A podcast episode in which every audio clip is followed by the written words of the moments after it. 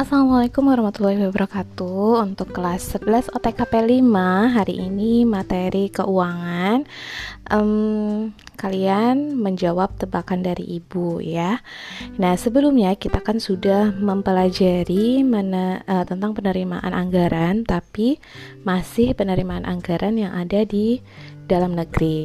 Nah jadi um, Tebakan ini nanti uh, soal cerita ya. Nah, tebakan ini nanti berupa soal cerita yang nanti ada kaitannya dengan materi yang sebelumnya, yaitu tentang penerimaan anggaran dari dalam negeri. Nah, itu dari mana saja sumber pendapatan dari dalam negerinya.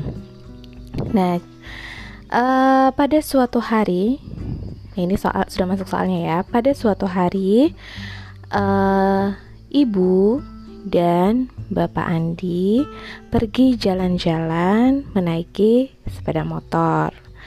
Kita mau melihat uh, pantai ya. Kita mau melihat pantai dengan pasir putih yang ada di Gunung Kidul, Wonosari, Yogyakarta. Nah, sebelum sampai ke pantai, kita menelusuri jalan selama 2-3 jam menggunakan sepeda motor. Nah, sebelum sampai ke pantainya, kita disuruh orang stop ya. Kita sudah hampir sampai nih, tapi belum pada pantainya ya. Masih uh, yang pasti sudah masuk kawasan pantai, tapi belum tepat di pantai yang kita tuju.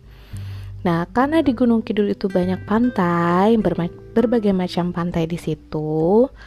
Nah, sebelum kita ke pantai-pantai itu, kita dicegat orang dulu, di stop, dan kita dihitung per orang. Uh, satu orangnya dikenai tarif Rp10.000.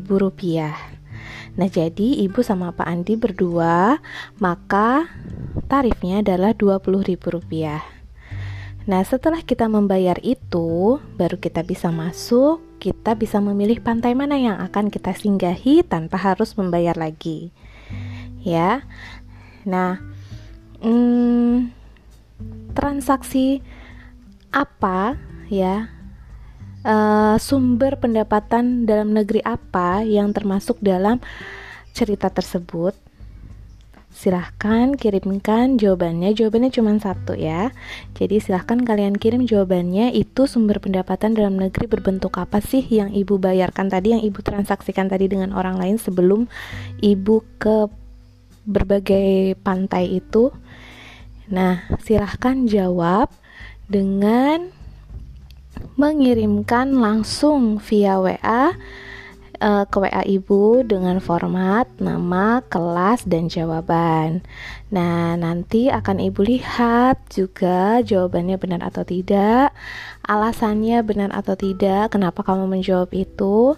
Nah, nanti akan ibu lihat siapa yang berhak mendapatkan nilai 100 95 dan 90 untuk hari ini. Untuk yang besok mengumpulkannya maka akan mendapatkan nilai minus 5. Nah, jadi bagi yang tidak pernah mengumpulkan tugas, terutama untuk laki-lakinya, silahkan saja kalian tidak mengumpulkan tugas. Tapi ingat ketika sudah mulai masuk sekolah kalian akan dapat hukuman dari ibu selama satu bulan untuk membersihkan seluruh kawasan OTKP mulai dari WC-nya, bak sampah yang ada isi sampahnya harus dibuang dan juga teras-teras seluruh OTKP.